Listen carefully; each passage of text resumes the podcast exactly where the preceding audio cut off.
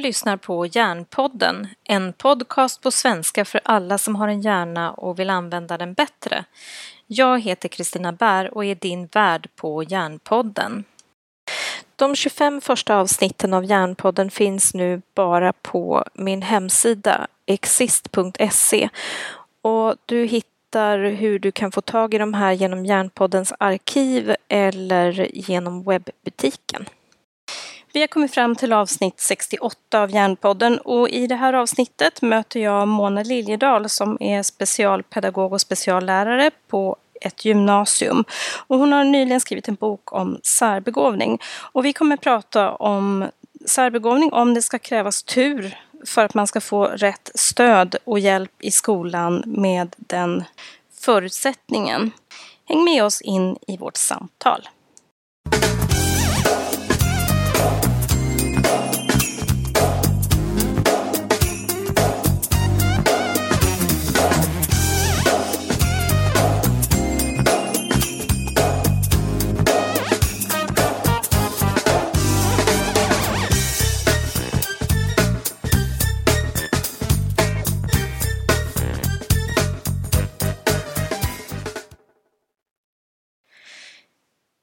Hej och välkommen till Hjärnpodden. Idag ska jag vara inne i ett av mina specialintressen, nämligen särbegåvning. Och till min hjälp idag har jag Mona Liljedahl. Välkommen Mona! Tack! Hej Lina! Be berätta lite om dig, vem är du? Det undrar jag också. Mm. Eh, det, det, finns väldigt många olika svar på det. I det här sammanhanget så, så är det enkla svaret att jag, eh, jag brukar säga att jag är pedagog. Eh, jag jobbar som speciallärare och specialpedagog på ett mediagymnasium i Stockholmstrakten eh, sedan ett par år. Och, eh, men jag är eh, utbildad gymnasielärare i svenska och engelska. Eh, och har jobbat i både Stockholm och väldigt många år i en liten, liten ort i Småland. Och det brukar jag säga för att det är viktigt att förstå att eh, det här temat särbegåvning eller särskild begåvning som det också heter har en viss klang av eh, många drar öronen åt sig och tänker att smarta barn det är liksom sånt de pratar om i Stockholm. Mm. På Östermalm och, och, och sånt där. Men eh, det, så är det inte alls. Nej. Utan det är ett tema som eh, kom till mig, kom mig till känna eh, när jag bodde i Småland på en liten, liten, liten, liten bruksort. Och jobbade och slet med elever där. Och eh, jag, jag är en sån som aldrig skulle bli lärare utan jag höll på med massa annat inom konstnärliga områden och sånt och halkade in som lärarvikarie och sen blev jag kvar. Mm -hmm. och, ja, jag, Coolt! Hur ja. kommer det sig då? Vad var det som fångade dig i skolan? Alltså det finns två kategorier av lärare säger jag. För, att, mm. för att, jag gillar att kategorisera. Mm. Eh, och det är de som eh, var fantastiska i skolan som var sådär jätteduktiga och, och eh, fick toppbetyg i allt och stormtrivdes och kände att de hade sin plats i skolan. De blir gärna lärare för att eh, de trivs där och liksom fortplanta den här eh, känslan av eh, välbehag och eh, hemmakänsla. Mm. Och så finns det de som eh, var, hatade skolan och vantrivdes och tyckte att det eh, verkligen borde finnas andra alternativ i livet.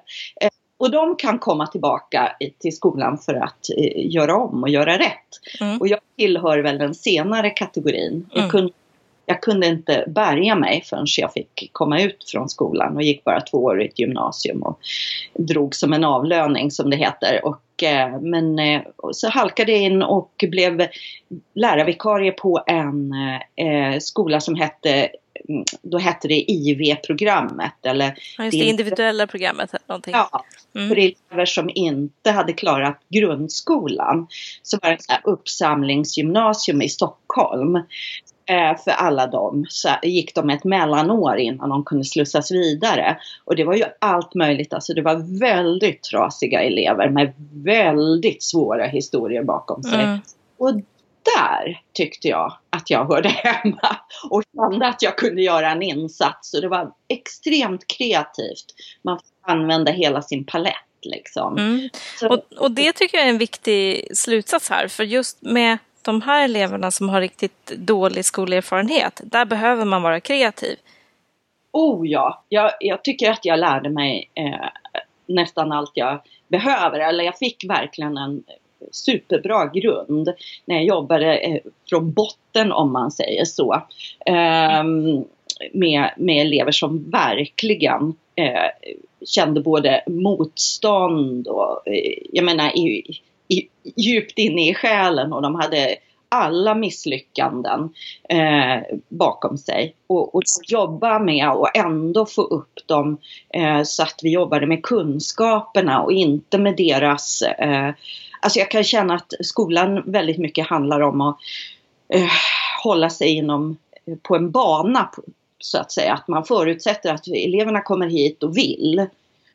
Men där jobbade jag med elever som vi, vi alla visste att de här eleverna varken vill, kan eller orkar. Mm. Och ändå jobba med dem. Det var oerhört lärorikt. Och jag har haft väldigt stor nytta med det. Jag har jobbat mycket på IV-program men också på samhällsprogram, naturvetenskapliga programmet och elprogrammet, industriprogrammet och så vidare.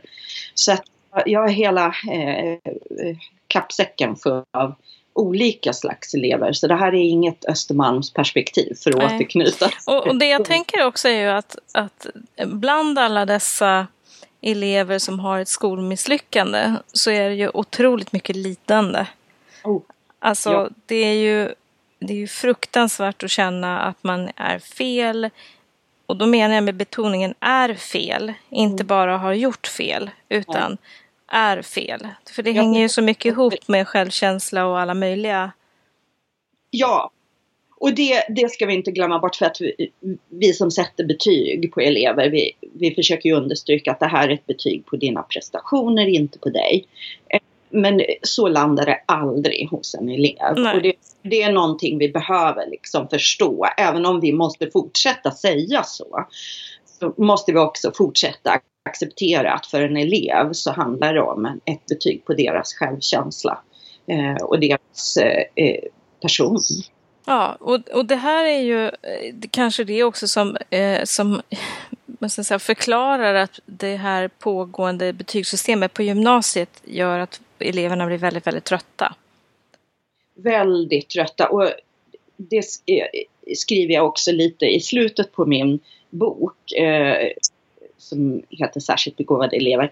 Ehm, att, ehm, att vi ska komma ihåg att vi har ett annat ehm, Eh, eh, andra kursplaner nu att eh, sen GY och Lgr 11 eh, så är det väldigt mycket mer fokus på reflektion, analys, eh, eh vad heter det, självreglering, att ta, eg ta egna initiativ, jämföra, diskutera. Eh, och, eh, och det ska vi veta att just särbegåvade elever eller särskilt begåvade elever, och jag säger särbegåvade för att det går snabbare, så, eh, folk får stå ut med det. Eh, mm. De är världsbäst på just att analysera och reflektera. Mm. Men det innebär också att de tar slut fortare varje lektion varje dag innehåller eh, sådana moment. Ja. Eh, analysera, reflektera, diskutera. Och eftersom de är världsbäst på det så gör de ju det på riktigt.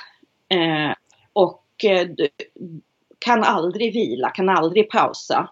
Eh, hittar inte den här lagom nivån, good enough nivån. För de är unga, deras hjärna har inte vuxit klart, de kan inte självreglera sina prestationer eller insatser. Så när jag får dem som specialpedagog till mitt bord, eh, helt utmattade och eh, redo att kasta in handduken och gå hem, eh, då, då är min första insats egentligen att hitta deras, att jobba eh, öppet för en dialog. Var är din lägsta nivå?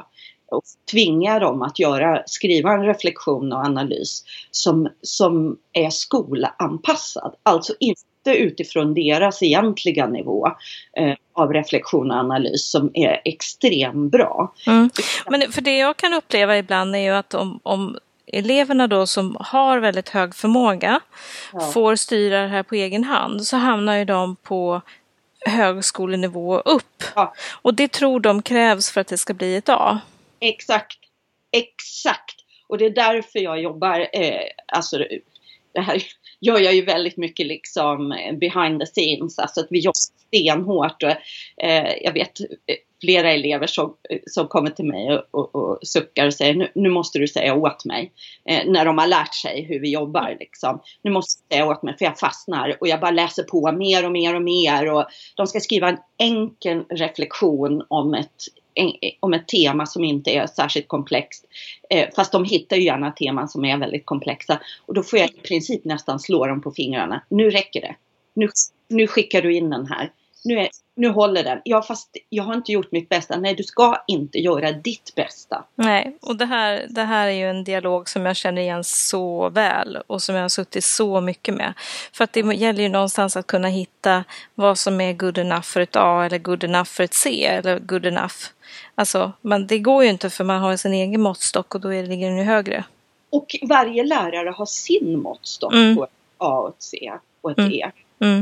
Också utifrån ämnet och nivån på ämnet. Alltså det finns ju det är en progression som svenska eh, på gymnasiet till exempel. Alltså det är en progression i det. Så att, och varje lärare, och det här är ju komplext och svårt, men det är ett faktum att vi lärare gör en eh, professionell bedömning utifrån våra egna ögon är det bara och det måste vi acceptera. Det måste bli liksom öppet. Eh, det är ett sådant system vi jobbar inom. Och det som du är inne på här nu att det hör du också för du jobbar som skolläkare. Och jag hör det här för att jag sitter i en till en situationer med de här eleverna. Och det här är jättesvårt att se eh, när man har en klass på 30 elever. Det måste vi förstå att det är inte lärare som är ovilliga att se att elever kämpar med att de lägger sig på för hög nivå. Eh, utan de, det går inte, det, att, det missar man i en så stor eh, grupp av mm. individer. Mm. Och jag tänkte vi ska gå över lite till din bok. För att det här, din bok som handlar om särbegåvade elever, mm. eh, särskilt begåvade elever, har precis kommit ut. Det är inte många veckor, månader sedan den kom en nyfödd. Mm, precis, en nyfödd bebis. Ja. Eh, och vi, den fyller ju ett eh, behov för att liksom få fokus på det här och, och lyfta fler perspektiv på den här frågan. För det är ju inte så här att de här eleverna är nya. Nej. De har alltid funnits i skolan. Ja. Mm. Och jag måste säga att jag har ju en upplevelse av eh, en extremt bra skol gång. Jag är den här som har älskat skolan från första dagen. Eh, men det beror också på att jag under hela min skolgång har haft väldigt prestigelösa lärare. Som många gånger har hjälpt mig till rätt nivå. För att till exempel i matten där jag alltid tyckte att det var vansinnigt roligt med matte. Oj. Eh, sån är jag. Jag älskar matte och då fick jag alltid jobba i böcker där jag var på rätt nivå. Mm. Wow! Men fick du stöd i det? Ja, ja. ja, ja. Undervisning också, för det här är ju eh, något jag skriver i boken. Det är big no, no, no, no. Mm. Eh, släng inte till dem en svårare mattebok. De behöver undervisning mm. och samtal. Men vi var flera stycken i min klass, i, i alla klasser hela vägen. Så i lågstadiet så var vi ett par, tre stycken som dels fick jobba tillsammans i de här lite eh, svårare böckerna. Och sen så hade vår fröken, hon kom till oss liksom regelbundet och gick igenom vad det var för någonting som vi fastnade på liksom så. Eh, väldigt, väldigt bra. En, en, en eh, sån här lärare, ja den gamla skolan med fin kråsblus och sådär. eh, och sen så hade vi eh, på mellanstadiet också en riktigt, riktigt god fröken som liksom var nästan pensionär. Hon försvarade oss med hull och hår. Så. Och hon såg också till att den här gruppen av elever som tyckte om matte, att vi fick liksom gå vidare. Så att jag har haft tur inser jag. Ja, och, och där säger du någonting. Mm. Det retar ihjäl mig. Mm. Elever ska ha tur. Mm, jag vet. Äh, det här mm. handlar ju för att det, det försöker jag liksom understryka då i både boken och när jag föreläser som jag gör ganska mycket. Eh, att det här för folk säger hur upptäcker man de här och jag har skrivit ett helt kapitel om eh, eh, hur man kan upptäcka och identifiera de här eleverna i skolan. Eh, men eh, de är ju lika olika som alla andra eh, individer. Så det är väldigt, väldigt svårt. Men de har ju en grundegenskap som de delar allihopa. Och det är att de lär sig snabbare än alla andra barn. Det, det är det enda som är, är absolut garanterat säkert. Vissa är mattesnillen, andra är språksnillen, konstnärssnill, vad som helst. Eller lite mittemellan snill, man behöver inte vara ett geni för att vara spärbegåvad. eh, alltså det, kunskapstörst och snabb inlärning, det är ju gemensamt. Och då är de i skolan. Alla de går i skolan. Och så säger folk, ja vi hade tur. Mm, jag vet. Och men det är väl också det här som gör att jag också har dragits mot skolan. Alltså, mm. Eh, för att jag gillar ju skolmiljön och jag inser ju också att det ska inte behövas tur. Nej, det är ju en skandal. Det är ju skolan som står för kunskap och lärande. Och det är precis det som är deras begåvning, kunskap och lärande. Och det är den enda instansen som står för kunskap och lärande i skolan. Och det är skolan som inte upptäcker de här barnen. Utan de måste komma till en skolläkare eller en skolsköterska eller framförallt till en som eh, gör ett eh, visk eller vajs eller vipsitest om de är små. Just. Eh, så om man ska beskriva vad en särbegåvad elev, hur de beter sig i klassrummet, kan man ge några tips liksom om vad man ska leta efter? Ja, det kan man. Och eh, jag, som sagt, jag har skrivit ett helt kapitel om eh, vad man ska, eh, lite sådär eh, röda eller gröna flaggor kan man mm. säga.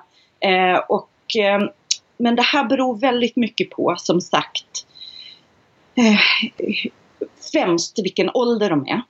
Eh, för när de börjar skolan så är det här mycket, mycket, mycket lättare. För eh, ehm, eh små ettagluttare eller förskoleklassare, de eh, vill jättegärna ha mer att göra. Och eh, vill jättegärna ha hemläxor. Eh, och kan begära, eh, kan jag inte få mer och kan jag få en till bok att läsa hemma och titta titta vad jag gjorde hemma. Alltså då, då är spjällen lite mer öppna. Det här, det här är ett fönster som kan stängas väldigt, väldigt snabbt. Eh, I boken så har jag flera exempel på barn som slocknar väldigt tidigt när de märker att det här inte kommer få att begära mer utan här ska vi hålla takten med alla andra. Eh, så lite högre upp i åldrarna så handlar det om att ha ögonen på eh, elever som eh, gör andra saker, som loggar ur, som säger att de har tråkigt. Och eh, ifrågasätter. De ifrågasätter, ja precis. Mm, och, och är lite bråkiga, alltså inte ja. kanske kasta grejer och bråka på det sättet utan är mer kaxiga. Det kan vara kasta saker också. Mm. Jag har haft, jag har haft elever med alla historier. Och här ska vi veta att det finns en könsskillnad, vilket retar mig hur det kan vara så. Och det får någon annan forska på. Men eh, killar och tjejer beter sig väldigt olika, men även killar finns en uppdelning. Så eh, killar eh, agerar ut och eh, tjejer im, eh, imploderar. Exploderar gör killar, tjejer imploderar. Eh, om man stereotypiserar det helt. Och, men även killar delar upp sig. Eh, jag brukar säga det är Emil i Lönneberga å ena sidan som eh, ställer till ett sabla liv. Eh, och eh, sen har vi tjuren Ferdinand som sitter under korkeken och luktar på sina blommor och stirrar ut genom fönstret. Eh, och medan tjejer då mer går under radarn och anpassar sig för att passa in i den sociala eh, normen. Eh, av någon anledning så är de skickligare på att eh, socialisera in sig. Eh, men ehm, så, så tjejer eh, upptäcker vi inte och det här är internationell forskning. Så, så det här är likadant eh, i hela världen. Att tjejer upptäcks inte och det blir värre och värre ju äldre tjejer blir. Så uppe i högstadiet så, så upptäcker vi i princip nästan bara killar om vi upptäcker några alls i klassrummet. För, och särskilt då killar som bråkar och som kommer in till skolläkaren eller skolpsykologen. Mm. Eh, och jag tänker, det, det, här med, som du säger med tjejerna som flyger under radarn, det tycker ja. jag är ju väldigt tydligt. De vill inte, jag tycker jag stöter på de här flickorna hela tiden, men ibland även pojkar som mm. inte vill vara smarta, de vill ju vara coola. Ja, exakt. Eh, och Ehm, eh, de kan ju både vara smarta och coola samtidigt. Här kommer eh, kulturen in, alltså vilken kontext man befinner sig i. Eh, där jag jobbade i, eller kanske en liten bruksort i, i Småland eller var som helst i, i landet. Då, då är ju cool kanske lika med att vara sportig. Eh, medans på, och nu ska vi generalisera i någon så här innerstads eh, eh, kärna så kanske cool kan vara lika med att vara konstnärlig, musikalisk och intellektuell. Eh, och, och eh, sitta med pannan i djupa veck och läsa Majakovskij. Och nu, nu tänker jag en kille igen då. Eh, så att här har vi en kulturell prägling vad som är coolt. Så och, och, och, det är ju samma här och jag eh, brukar ta upp och understryka också, apropå hur man upptäcker de här i klassrummet, de här eh, eleverna finns ju också bland, bland nyanlända elever. Ja, och det finns i alla eh, skolkontexter. Och då om man gör ett litet räkneexperiment utifrån siffrorna som finns. Om man har en skola med 100 elever för att det ska vara lätt att översätta till alla skolor så borde det finnas ungefär fyra elever minst med särbegåvning eller minst kanske egentligen åtta elever som ligger på särbegåvningsrastret och över. Det vill säga på 100 elever så ska det finnas 32. Ja, alltså nu är 400 det... elever är inne på 32. Ja, nu, och, och då backar jag för att eh, då behöver vi tänka så här eh, hur räknar vi nu? Alltså, här omtvista. Eh, och det, eh, det lärde eh, och över hela världen. Eh, men eh, det finns ju den här begåvningskurvan enligt Växler. Ja, just det den. Och, ehm, och då är det lika många, alltså majoriteten ligger ju kring IQ 100 runt omkring. Och sen har vi eh, 2 5 procent som är eh, utvecklingsstörda som ligger under IQ 70. Och på samma, åt andra hållet, eh, eh, puckelpisten, så, så ligger alltså eh, särbegåvning eh, kring IQ 130 uppåt som är kring 2 5 procent också. Och, beroende på hur man räknar. Eh, Mensa brukar säga cirka 2 procent Eh, de flesta säger 2 till 5 för att vara säkra. Men när jag var med också skrev Skolverkets stödmaterial som kom ut 2015. Eh, och där var man noga med att räkna in de måttligt särbegåvade. Just precis. Och det är det jag tänker att vi måste göra därför det är de som också visar på ett uttråkat beteende. De blir extremt fort också uttråkade och det, de är väldigt, väldigt viktiga att ta med i sammanhanget. Och de ligger mellan IQ 115 och upp till det där i, i Mensa IQ 130 typ där. Och det är cirka 15 till 20 procent. Och det är ju väldigt många. Alltså, ja, och, på, och då tänker man då på en skola på 100, eller 400 personer så blir det ju en, ännu fler om man säger. Ja, mm. och eh, jag, jag har också roat mig att titta på eh, läsåret 2016-17. Då befann sig 1 23 956 elever i grundskolan. Och om man räknar extremt lågt, alltså att det bara är 2% som är särbegåvade. Eh, om man smalnar av riktigt, riktigt hårt eh, så är det i alla fall 20 479 elever. om vi räknar då att med de måttligt särbegåvade eh, så är det 204 791 elever som var särskilt begåvade i skolan 2016-17. Och då skulle man kunna, eh, tänk om man sa så här, eh, 204 791 elever får inte den undervisning de behöver mm. och riskerar att falla ur mm. skolan. Eh, om vi skulle liksom eh, lägga de siffrorna på bordet så skulle det, om vi skulle säga att eh, om, vi vänd, om vi vände på det, 204 000 elever klarar inte skolan för den är för svår. Mm. Då skulle det bli fart i byxorna mm. på politiska läger. Mm. Men de här klarar inte skolan för att den är, jag skulle inte, inte vilja anpassad för dem. Nej, jag skulle inte vilja säga att den är för lätt. Men mm. den är inte rätt. Mm. Jag hade den här diskussionen med en elev ganska nyligen eh, som eh, var, var liksom i slutet av gymnasiet och som hade en självbild av att, att inte vara bra på matte. Mm.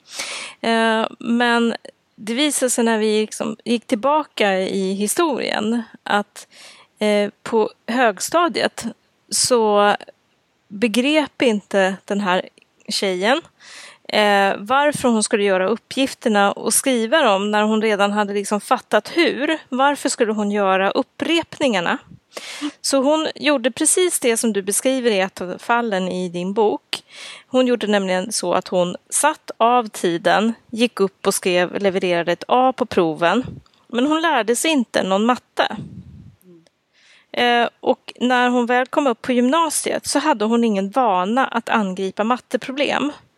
Så att då blev ju mattekursen jättesvår. Och därmed så fick hon självbilden att hon kan inte matte. Mm. Det där känner nog många igen sig. Jag har ett, eh, ett sånt eh, elevcitat i boken. Bara rakt av. Det är så lätt så jag inte förstår.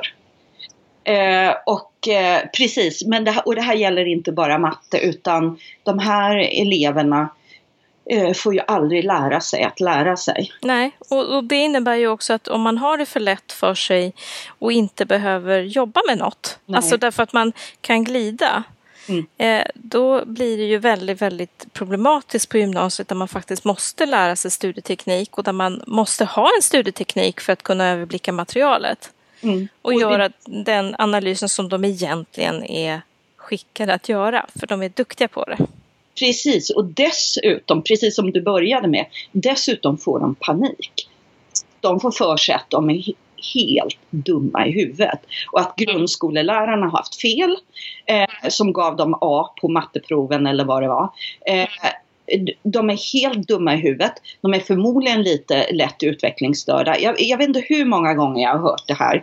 Nej, och eh, för att backa ytterligare så behöver man inte vara särskilt strålande just på matte eh, vara särbegåvad. Men det är ett väldigt tacksamt ämne att eh, eh, prata utifrån. Jag skulle gärna vilja liksom, eh, nämna det lite sen. Men, eh, men jag har många extremt begåvade elever eh, som jag träffar som säger så här, jag kan ju inte vara begåvad för jag är inte eh, jättebra på matte. Eller de säger inte, jag är inte jättebra på matte, de säger jag är skitdålig på matte, jag suger på matte. Medan sanningen är att de förmodligen är rätt normalbra. Men diskrepansen mellan hur lätt de har för alla andra saker är för stor. Så att om de är normalbra på matte och liksom har så lätt för eh, säg musik, språk eller någonting annat. Eh, så att det liksom går på en eh, kafferast att lära sig ett nytt språk. Och sen får de kämpa med matte precis på alla, samma villkor som de andra. Då suger ju de på matte. Mm. Det här är jätteintressant det du säger. Eh, jag håller på och lyssnar på, eller jag har gjort precis en kurs på ett universitet i USA med en kvinna, en professor som heter Barbara Oakley. Hon mm. är professor i ingenjörskonst eller någonting sånt där från början.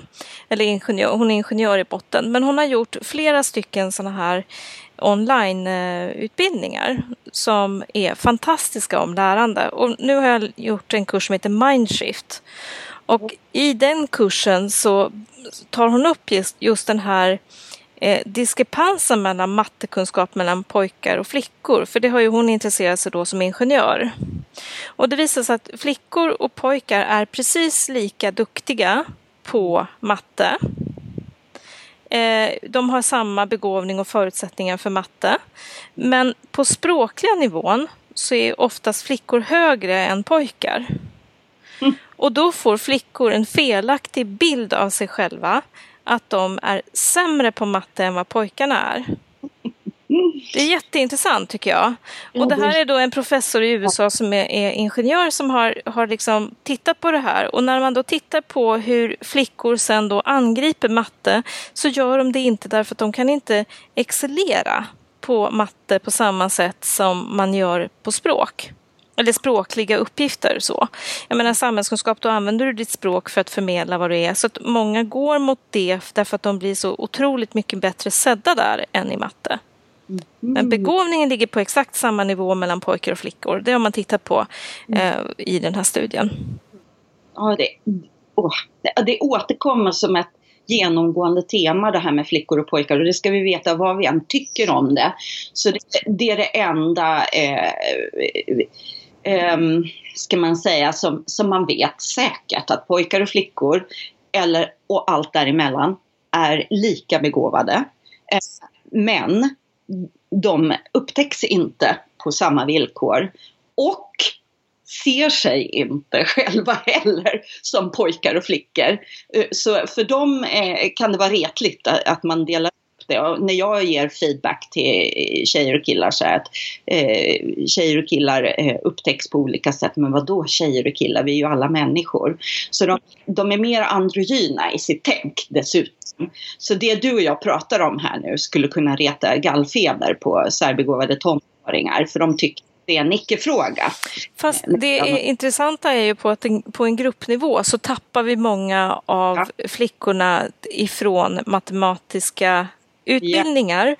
där de egentligen skulle kunna ha en väldigt framgångsrik karriär därför att de är väldigt duktiga på matte.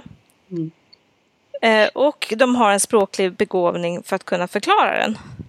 Det är ju eh, fruktansvärt störande. Och eh, återigen det här med matte och anledningen till att vi pratar väldigt mycket matte när man mm. pratar särbegåvning. Eh, eh det är ju många som stör sig på för att det, det, handlar inte bara om matte. Man behöver inte vara spetsa i matte i sin begåvning för att vara särbegåvad som sagt. Eh, mm. Men eh, särbegåvade har en allmän hög teoretisk akademisk förmåga så att deras eh, förmågor inom alla teoretiska ämnen ligger högre. Men de har ju sina spetsar inom olika områden som sagt. Eh, men eh, matte är bra som eh, sån här draghare.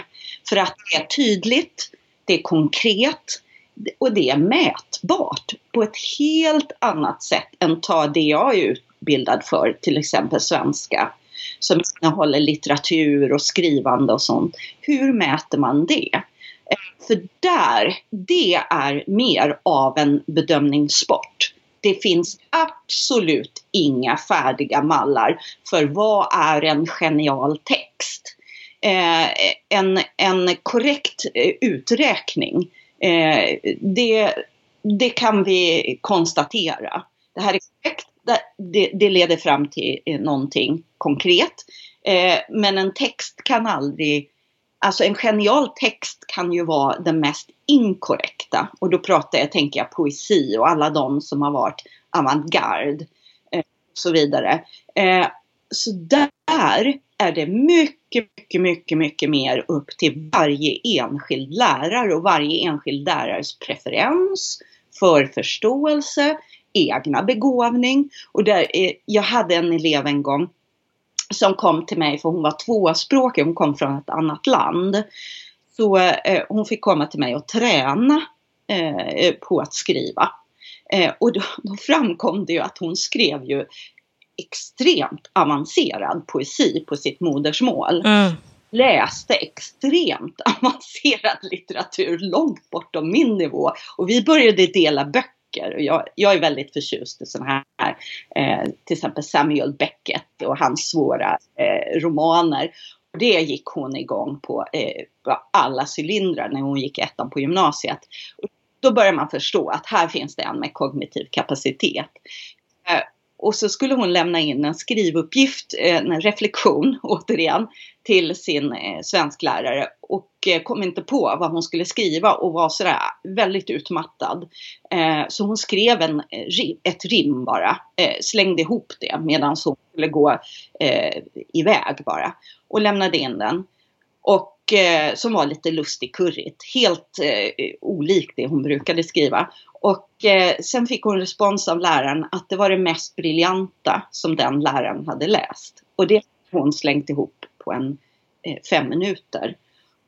Och då tänker jag, oj, det, eh, det är väldigt upp till vilken lärare man har. Om det mest briljanta läraren har läst är, är elevens absoluta lägsta nivå så kan det vara svårt för läraren att se eh, när det är riktigt eh, komplext och abstrakt och eh, nyskapande och, och språkligt avancerat. Och, kanske, och den eleven lämnar ju naturligtvis inte in de här sakerna till sin svensklärare för den känner så här, oh, bäst att jag håller mig där när jag fick bekräftelse. Mm, just det. Och jag tänker lite också utifrån eh, eh, det här med särbegåvning att det behöver ju inte alltid vara så att man eh, liksom följer de mallar som man vill ha för att man ska veta att man kan sätta det högsta betyget. Utan det är ju troligen så att de gör en analys på ett djupare plan, ett annorlunda sätt än det som man är van att, att utvärdera det på. Ja. Och då kan ju betyget bli ett lägre fast kunskapen är djupare. Och det har jag ett jättebra exempel på i min bok. Och det, eh, och det tar jag också ofta upp mm, när jag föreläser och det är autentiskt. Mm. Och, eh, som gick i eh, sjuan. Eh, och eh, kämpade med sin lärare i NO eh, för att hon ville ha ett svårare material och föräldrarna hjälpte till också och ville eh, förklarade för läraren att eh, eleven här behöver ett svårare material, hon vill mer, hon vill bättre. Och läraren sa nej, hon har inte gjort det hon ska, så hon får inte göra det. Eh, hon får mm. inte gå vidare. Och eh, nu hade hon väldigt försigkomna föräldrar så, äh, som hade kontakter på universitetet och kunde prata in eleven på en universitetskurs i fysik. Just det. Så hon eh, tog en universitetskurs i fysik och skrev A på första tentan och var näst bäst i hela vuxengruppen. Mm. Och då kan Men, man ju bli lite förvånad när man inte får godkänt grundskolan. Just det, blev underkänd i, i, i grundskolan. De momenten. Och, och då börjar man förstå. Det är exakt det du pratar om kan inte harva med att göra färdigt grunderna, behöver få gå vidare och sen eh, eh, kanske inte alls ha, nu backar vi till matte igen, kanske inte alls automatisera gångertabellen. Det är inte nödvändigt. Mina elever brukar skratta och säga det finns ju miniräknare. Eh, till och med på mobilen. Eh, och eh, kanske inte alls kan ekvationer i huvudet. Men vill lära sig ekvationer när de får prata kvantfysik och derivata eller vad som helst, mm. jätte, jättehög nivå. Mm. Då vill de ju kunna räkna ut det här och då kan man till och med backa ner till basics alltså. Och jag tänker också den här matteinlärningsprocessen har vi ju precis som läsprocessen en bild av i skolan hur den går till. Och gör man det på något annorlunda sätt så kan man ju ställa sig frågan om det verkligen stämmer. Kan man göra det på något annat sätt? Och det kan man ju bevisligen. Jag har sett så pass många elever under mina snart 15 år i skolan att, att det är klart att man kan processa inlärning på olika sätt. Mm. Jag menar, om det är så att man har hanterat livet i, i eh, siffror eller ord eller vad man nu gör tidigt. Man har knäckt läskoden när man är fyra eller man har knäckt räknandet när man är fyra och har i princip läst sedan dess eller räknat sedan dess. Då kommer man ju kanske när man ska göra sina första ekvationer eller gångertabeller i mellanstadiet då kommer man ju tycka att det är väldigt enkelt därför att man har ändå processat siffror under så lång tid. Och, och, då kommer man ju inte förstå varför man ska skriva alla mellanled som krävs för att man ska få ett högt betyg i skolan. Och jag brukar få fråga, men om de är så smarta, varför gör de inte bara det då? Om det är så lätt. Och då, eh, eh, en, ibland brukar jag svara eh, här, för att göra det enkelt, för att de är barn. Eh, vi tycks glömma bort att särbegåvade eh, elever är barn säga de har en emotionell utveckling på en barns nivå. Det är hjärnan och eh, intellekt som spurtar, inte deras emotionella mognad.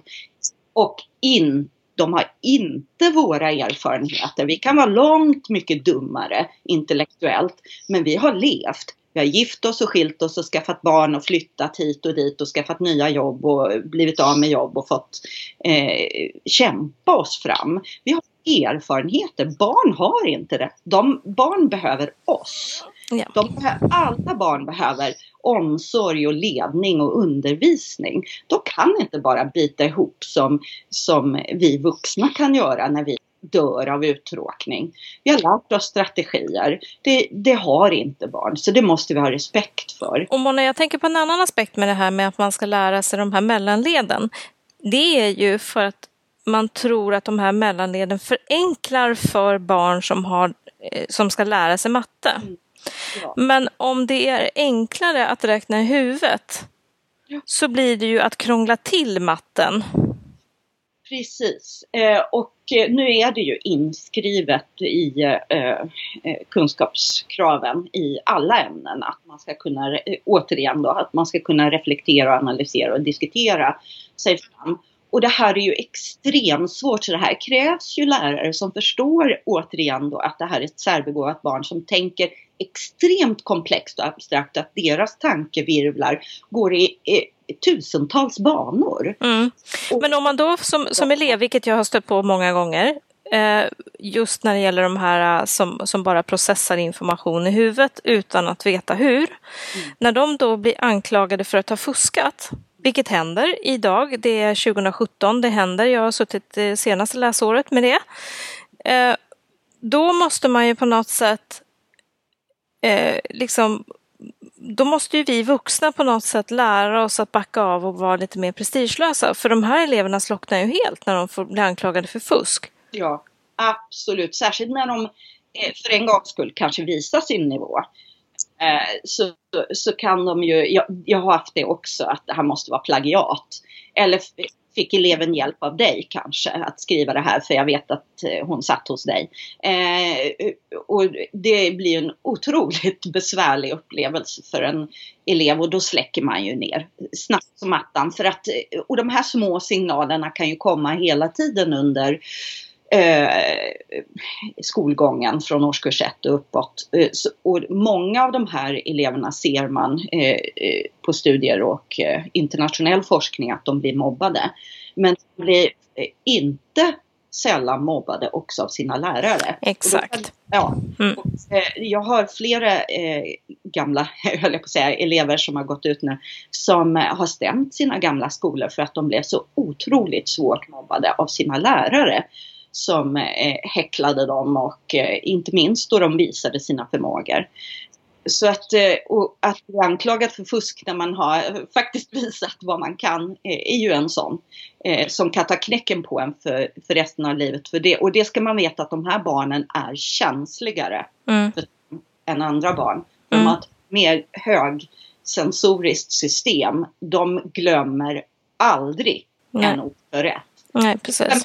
Heller aldrig någon eh, eh, eh beröm, ärlig, eh, någon, någon som har varit trevlig heller. Men eh, att bli kränkt, det sätter djupa spår för resten av livet. Mm. Du, jag tänkte på en sak som vi måste ta upp också i det här sammanhanget. Det är ju att skolan är ju egentligen ett system där man har rätt att lära sig. Ja. Inte bara vara där. Ja. Det är det jag tänker på när jag hade mina, min sifferexercis här. Att, eh, ja. tänk, tänk om man skulle liksom, om, om nu, så här är det ju. Att vi har cirka 200 000 barn eh, som har rätt att lära sig någonting i skolan. Men som inte mm. får sin rätt tillgodosedd. Ja. För att eh, inlärningssystemet är inte anpassat efter dem. För så, så har vi ju tänkt kring barn med eh, svagare teoretisk begåvning. Eh, till exempel om man har utvecklingsstörning, då har vi ju ett eh, system. Eh, vi har ju att det, det, är allmänt accepterat att vi behöver anpassa eh, kunskapskrav och kursplaners upplägg så att de här barnen mår bra. För det handlar inte bara om att lära sig utan lär man sig någonting och känner att man utvecklas då mår man ju väl. Så vi har cirka 200 000 elever i skolan som riskerar att inte må väl. För de får inte sin rätt till inlärning tillgodosedd. Och då tänker man så här, ja ja, eh, men det är inte ja ja. För det, vi pratar inte om en kvällskurs en gång i veckan. Vi pratar om en arbetsplats där de är eh, av lag nödg att befinna sig dag efter dag, vecka efter vecka, år efter år. Medan de är barn och i beroendeställning, de får inte byta jobb som jag kan göra när jag eh, får tråkslag på ett jobb. Eh, de får inte eh, säga nej nu gör jag någonting annat som känns mer stimulerande. Mm. Och då är vi ju snart inne på den här problematiken med hemmasittare och, och en hel del andra sådana här problem som följer med att man hamnar i en stresssituation där man inte blir tillgodosedd, man blir inte hörd, man blir inte tagen på allvar. Mm. Och den elevhälsa som det in, alltså brist på hälsa i eh, skolsystemet. Mm. Eh, och det här är ju en jättestor, tycker jag, eh, skolpolitisk fråga hur vi kan tillgodose olika elever och hur man skulle kunna jobba med de här frågorna integrerat. Och Anna Arvsten var ju med i avsnittet för att se hur man skulle kunna jobba med det här i klassrummet och det rekommenderar jag då för alla som lyssnar att lyssna tillbaka på det avsnittet. Eh, för att få med klassrumsperspektivet. Men det här som vi pratar om idag, Mona, det är ju mer en skolpolitisk fråga. Precis. Skolutvecklingsfråga och det, det är vad jag brinner för. Och eh, jag ser det är ju en extremt stort behov att eh, lossa upp på eh, fyrkanterna. Att eh, öka flödet mellan årskurser och eh, även mellan skolformer. Alltså mellan grundskola, Anna Arfsten var också inne på det, att öka flödet mellan grundskola, gymnasium och högskola och universitet. Eh, att det här måste till. Och det kan också vara så att särskilt begåvade elever behöver stanna upp inom vissa ämnen eller backa tillbaka. De kanske går en eh, högskolekurs eller universitetskurs i fysik men eh, behöver backa tillbaka eh, till mellanstadiet i eh, i satsdelar eller hur man bygger upp eh, eh, meningar. Mm. För det ska man veta att det har blivit lite hejsan svejsan nu när sms och chattkulturen har, har riktigt satt sig. Så det är någonting vi behöver jobba med mycket. Så att, att flödet inte är liksom att lagt kort ligger, ja men nu måste du läsa på universitetet för att du läser en kurs där. Att det ska vara en flöde mellan ämnen och kurser. Och det ska vi veta också med särskilt begåvade elever att deras inlärning eh, rör sig ju inte om ämnen utan de lär sig ju eh, saker mm. som inte eh, passar in i lådor utan kan spridas över flera ämnesområden. Just det. Och, och, det jag tänkte på, det var också en annan sak som vi, ni tar upp i boken, det är det här vilken klass ska man gå i? Mm. Eh, och där tror jag också att det finns en okunskap för att man faktiskt inte måste gå alla nio åren i grundskolan utan man kan faktiskt, om man blir färdig med kursen, hoppa över några klasser och, gå snabbare fram. Ja. Eh, men det är den emotionella delen och kompisdelen som också har eh, har betydelse. Och så vet jag, du var ju i en tv-intervju ganska nyligen och hade med en förtjusande liten ung dam. Oh. Och som också hade fått hoppa upp eh, från lågstadiet till femman och där får blomma rent inlärningsmässigt. Och hon tyckte inte det var ett problem att inte hon kunde vara med sina klasskompisar just nu. Hon hade ju ändå kompisar på rasten. Mm. Men själva inlärningen överträffar fortfarande eh, alltså själva arbetsmiljön, det hon gör i skolan, överträffar ju det som är på rasterna. Ja, och eh, precis. Och du pratar om lilla Lanny, mm. förtjusande. Mm. Eh, underbar unge. Mm. Eh, som, eh, som alla andra barn eh, är mest. Eh, och män behöver utmanas jättemycket och har en både en klok mamma och en klok rektor. Så hon har, nu kommer vi tillbaka till det här igen, hon har tur.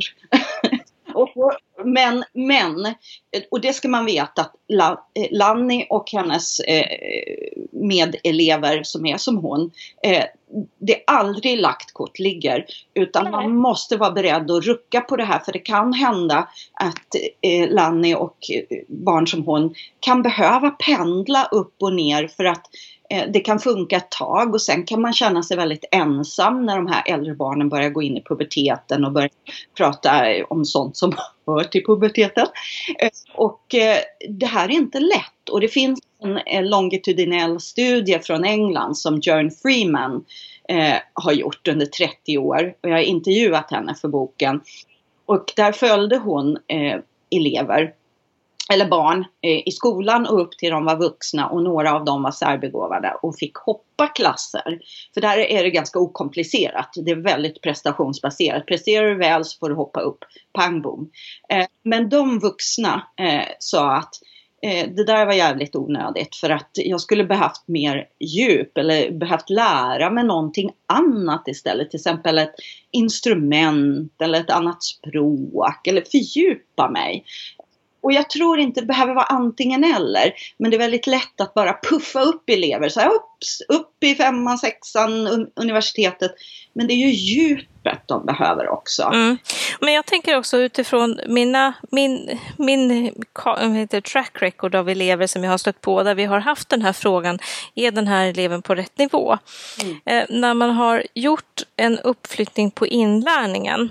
Mm Eh, så, så brukar det oftast bli lugnt. Jag minns en elev, en av de första som jag liksom noterade som särbegåvad.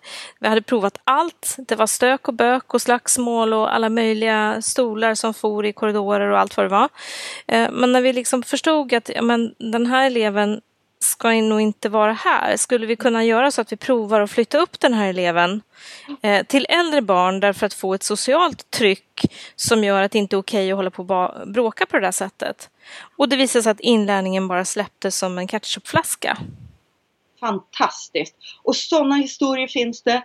Och så finns det motsatsen där de har mått jättedåligt och att de inte har känt sig bekväma i klassen. Och det här gäller att vara men man får inte låsa sig och tänka så här, nej, nej, nej, nej, vi får inte flytta upp för det sociala tillhörigheten och eh, han trivs ju så bra i sin klass. Ja men kanske han trivs bra i nästa klass också, då verkar han ha en social förmåga. Mm. Så, men eller alltså, också tänker jag också, varför måste vi vara så konventionella att man alltid ska gå i ja. samma klass? Man ja, kanske är på eh, svenska lektionen i en klass över. Och nu pratar du partiell förflyttning och det är ju någonting man genast måste testa. För då släpper man ju inte sin klasstillhörighet. Och man, för det här ska man ju återigen eh, vara ödmjuk kring vad det är för ett slags barn. För det är kanske är ett barn som kommer från en traumatiserad miljö som har det väldigt besvärligt och då kan det ju vara svårare att flytta från en klass eh, och, och försätta barnet i en ny miljö. Det kanske den reagerar väldigt starkt på. Och, eh, och dessutom så ska man ju veta att de här barnen är ju eh, världsbäst på att lära sig snabbt. Det innebär ju att de kommer ju ikapp på den nya nivån också och kör förbi. Och då tänker alla, åh herregud, vad gör vi nu? Ja, det, vi har inget system för det här. Så, eh, och det, det, är det roliga men också det svåra. Att här måste vi hjälpas åt att tänka.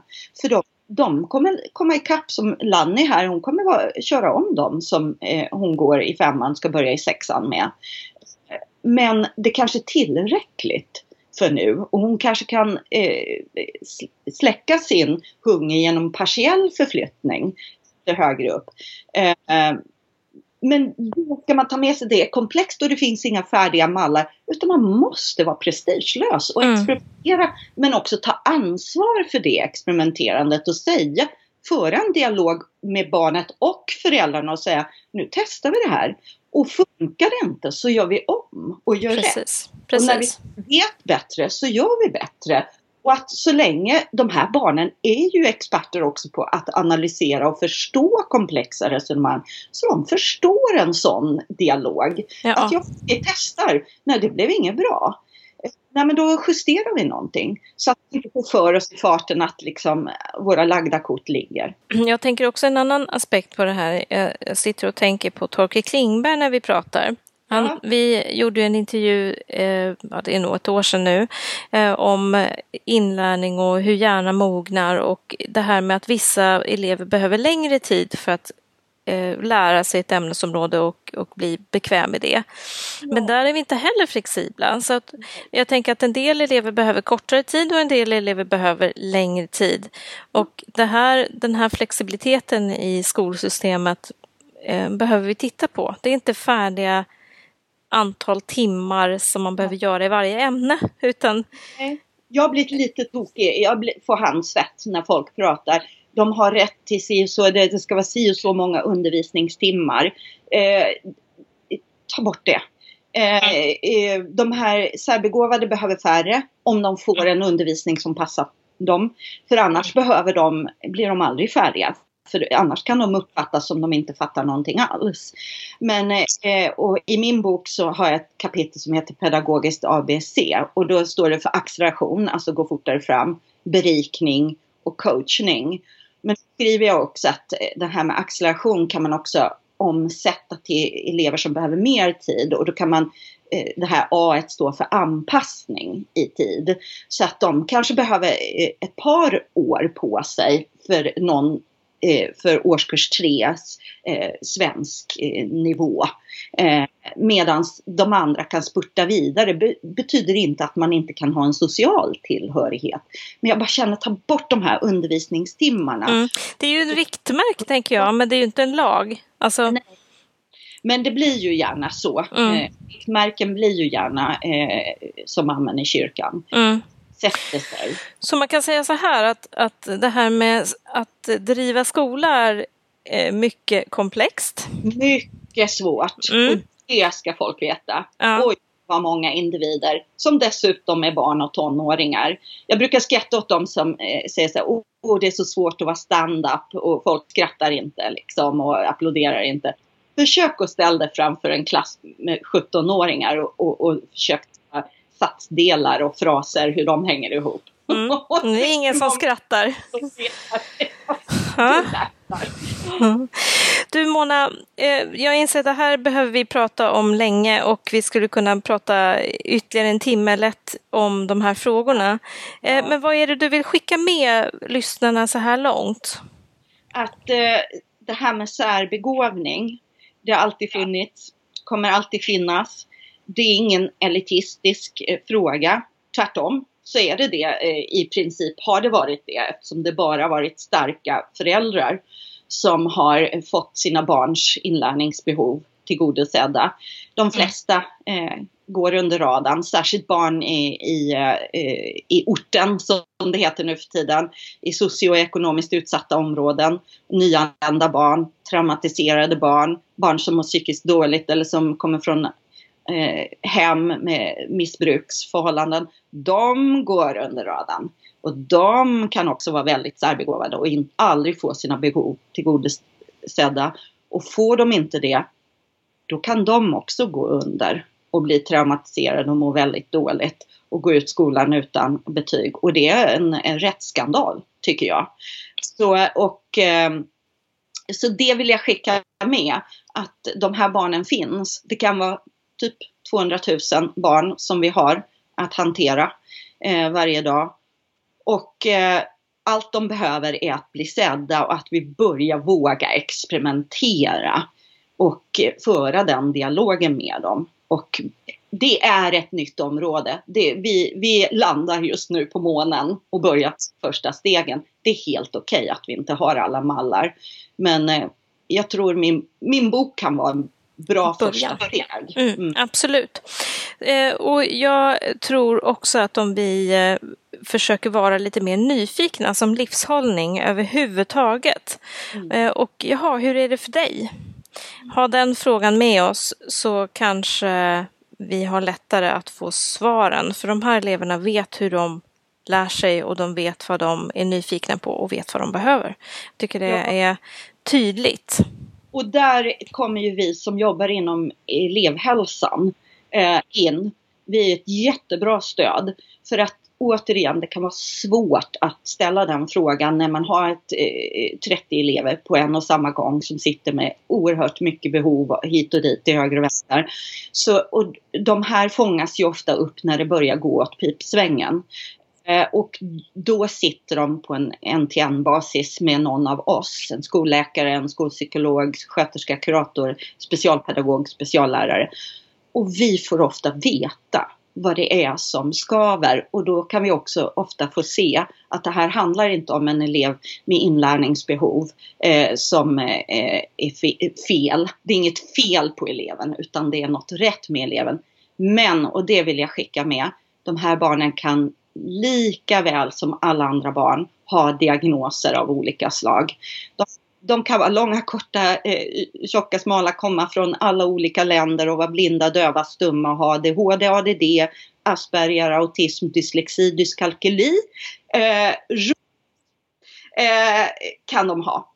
Och ändå vara särbegåvade.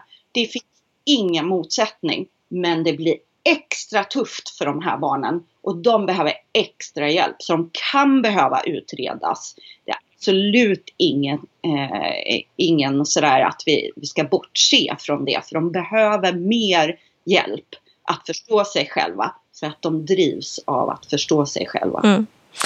Eh, det får bli avslutningsorden Mona. Tusen tack för att du ville vara med i Järnpodden. Och om man vill ha kontakt med dig, hur gör man då? Ja, det enklaste är att gå till min eh, lilla eh, webbsida, jag säger lilla webbsida. Jag lägger ut det mesta eh, som händer mig och som mm. eh, publiceras kring mig och det är Mona Liljedahl Wordpress. Eh, mm. Så bara googla på det. Mm. Så kommer man dit och då finns det också min e-postadress och, och så. Mm. Så att eh, det är allra, allra enklast.